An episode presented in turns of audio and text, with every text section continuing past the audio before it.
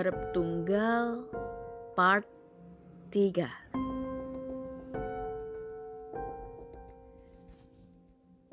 Sejujurnya, Bapak masih menolak.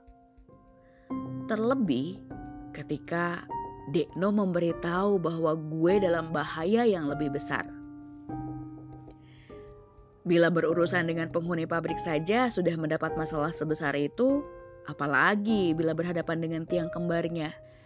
Bila tidak gila, maka gue pasti mati. Bahkan, Dekno mengatakan, perbandingan menghadapi tiang kembar seperti membandingkan ujung kelingking dengan segumpal daging. Namun, alasan sebenarnya gue dibawa ke sini karena bebauan di sekitar sini dapat menyamarkan bau di badan gue yang kata Dekno ibarat pandan yang sudah direbus. Sementara Pak Le gue yang lain pergi menyusul wanita yang pernah menyelamatkan gue. Namun sayangnya, wanita tua itu sudah meninggal tepat setelah kunjungan terakhir gue. Meninggalnya sendiri murni karena usia. Dan mendengar itu, Dekno akhirnya mencoba dengan caranya sendiri. Gue diminta untuk hanya berdiam di dalam kamar di mana samping kanan kiri hanya ada bambu. Namun, yang gue inget adalah di kamar itu bebauan kemenyan sangat menyengat. Dan tepat di malam berikutnya, Dekno membawa masuk seorang wanita tua. Beliau adalah Mbak Yu dari Simbah. Begitu melihat gue, yang gue inget dia hanya diam. Matanya kosong. Lalu duduk tepat di depan gue yang merinding melihat tingkah lakunya. Dekno mengatakan bahwa harus ada yang dilakukan sebelum gue benar-benar siap buat nutup semua ini. Di lain hal, Pak Haji Sanah yang sebelumnya dicari ibu Rupanya sudah pindah rumah. Padahal beliau adalah wali gua. Sontak malam itu, gue cuma mendengar Mbak Yu menangis dan tertawa dalam kamar. Berdua dengan gue. Namun, firasat gue bahwa di dalam kamar gue nggak sendirian. Melainkan dua jin kembar itu juga ada di sana. Namun bukan itu yang bikin gue merinding.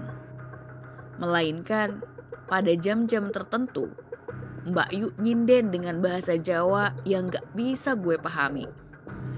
Namun suaranya halus dan melengking. Anehnya, dari luar kamar, seolah ada pengiring karawitan yang membuat gue seolah-olah tahu bahwa mereka bukan manusia. Gue belum pernah mendengar seseorang bersyair diiringi alunan musik yang begitu kental dengan nuansa mistis karena satu yang gue inget adalah dada gue berdetak lebih cepat. Bulu kuduk gue berdiri karena Mbak Yu tiba-tiba menyeringai dan tetap bersyair dengan suaranya yang melengking. Dia bukan Mbak Yu, kata gue dan dengan mata kepala gue sendiri, gue semakin takut saat dia menari layaknya penari jaipong di depan gue. Berlenggak-lenggok di dalam kamar yang sempit itu. Sementara gue mulai menangis. Mbak Yu seperti menikmati suasana itu. Terkadang ia tertawa begitu keras. Namun terkadang suaranya saru layaknya ia baru saja menangis.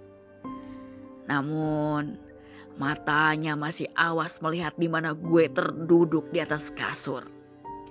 Sementara musik gamelan mulai mengalun lembut dan Bayu mendekat, mendekat, mendekat dan semakin dekat. Lalu gue bisa melihat dengan jelas Guratan wajah tua yang sebelumnya gue lihat sangat berbeda. Kali ini, di depan kegelapan disertai sedikit cahaya yang muncul dari langit-langit kamar. Wajah itu sebegitu dekat dengan wajah gue yang tercekat. Tersenyum, memandang gue yang saat itu baru sadar. Dua jin kembar itu sudah masuk dalam tubuh Mbak Yu. Karena sosok itu tampaknya menikmati momen itu hingga suara musik karawitan itu perlahan menghilang. Suaranya perlahan-lahan memudar dan kemudian wajah itu juga menghilang bersamanya. Namun sebelum wajah itu menghilang, gue gak akan pernah melupakan ekspresi terakhirnya. Menyeringai seolah memberi pesan kepada gue bahwa dia masih ada. Sebuah senyuman yang sampai saat ini bakal gue inget-inget. Bahkan di tengah malam seperti ini, setelah sosok Mbak Yu menghilang, gue mendengar seseorang masuk. Rupanya Deno beliau melihat gue.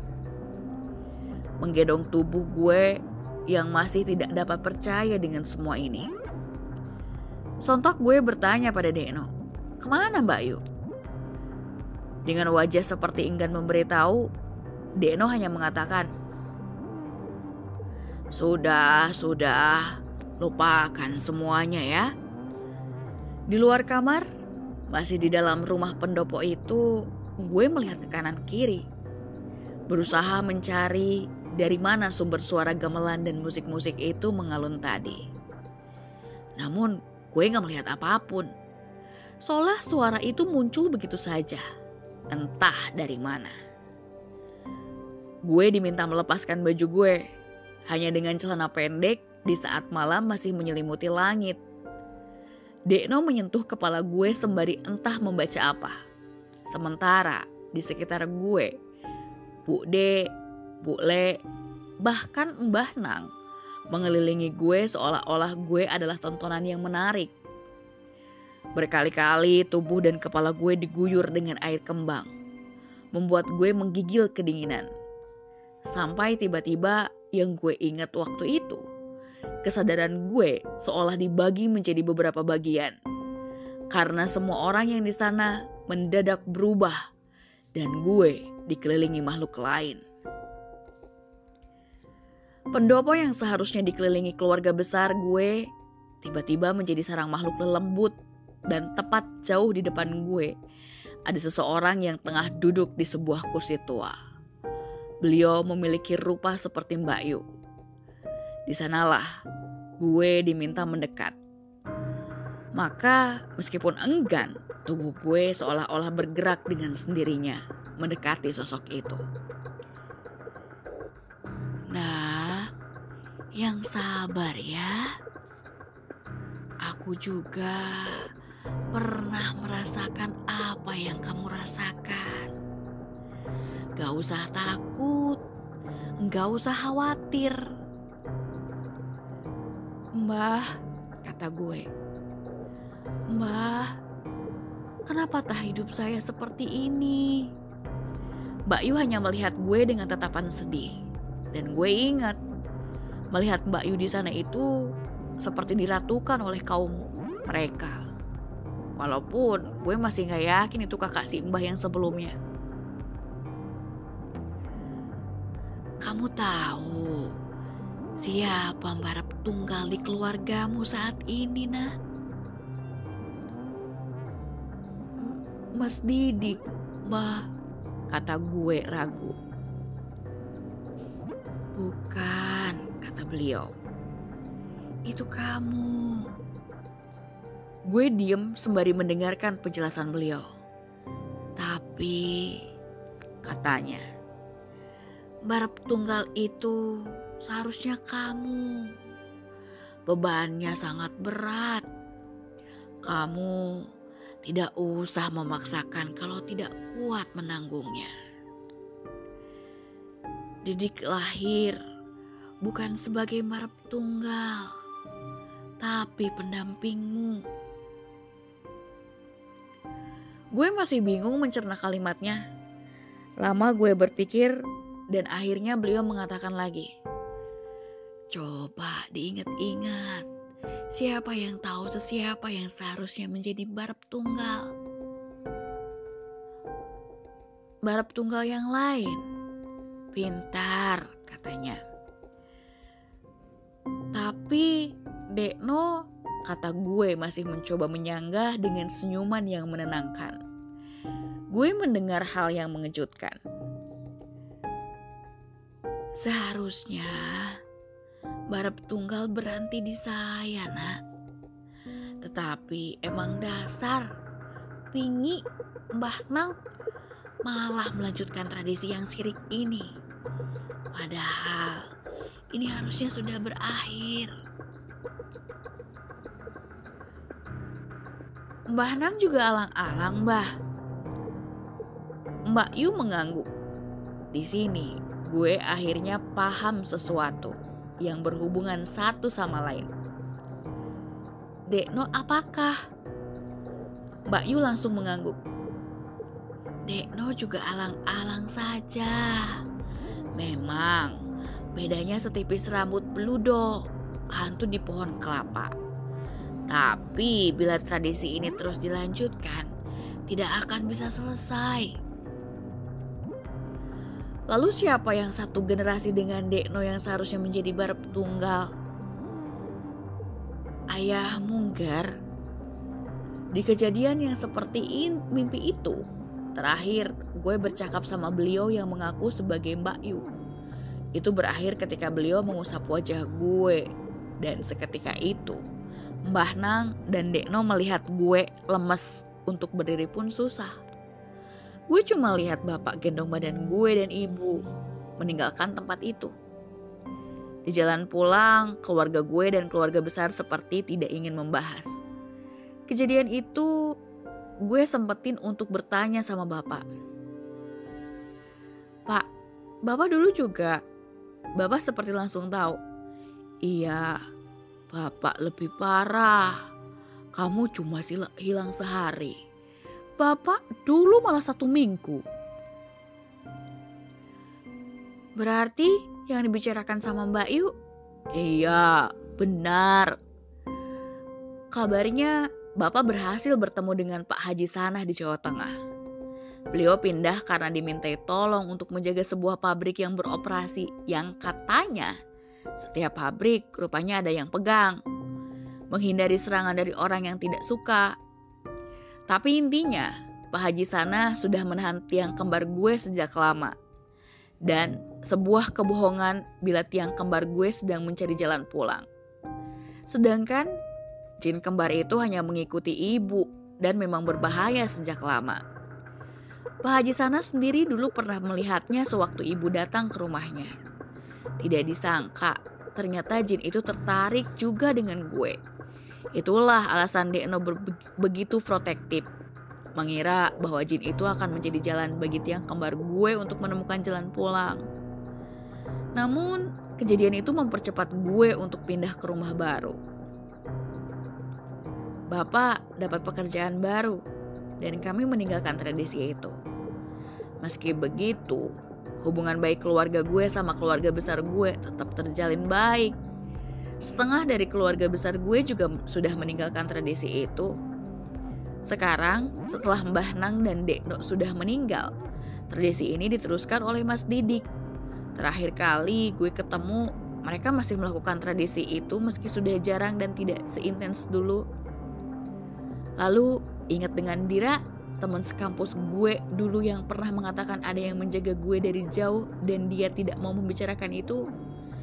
Alasannya, rupanya ada dua yang menjaga gue dari jauh dan tidak bisa mendekat karena bisa bertabrakan. Mereka adalah almarhum Mbak Yu karena setelah peristiwa itu, Mbak Yu meninggal. Meski keluarga besar gue menganggap dulu beliau memang sudah sakit keras dan rela menanggung dua jin kembar yang sempat mengganggu gue untuk tinggal di dalam tubuhnya, bisa dikatakan, Mbak Yu berkorban menerima semua makhluk lembut itu agar Mbah Nang tidak melanjutkan tradisi ini dulu.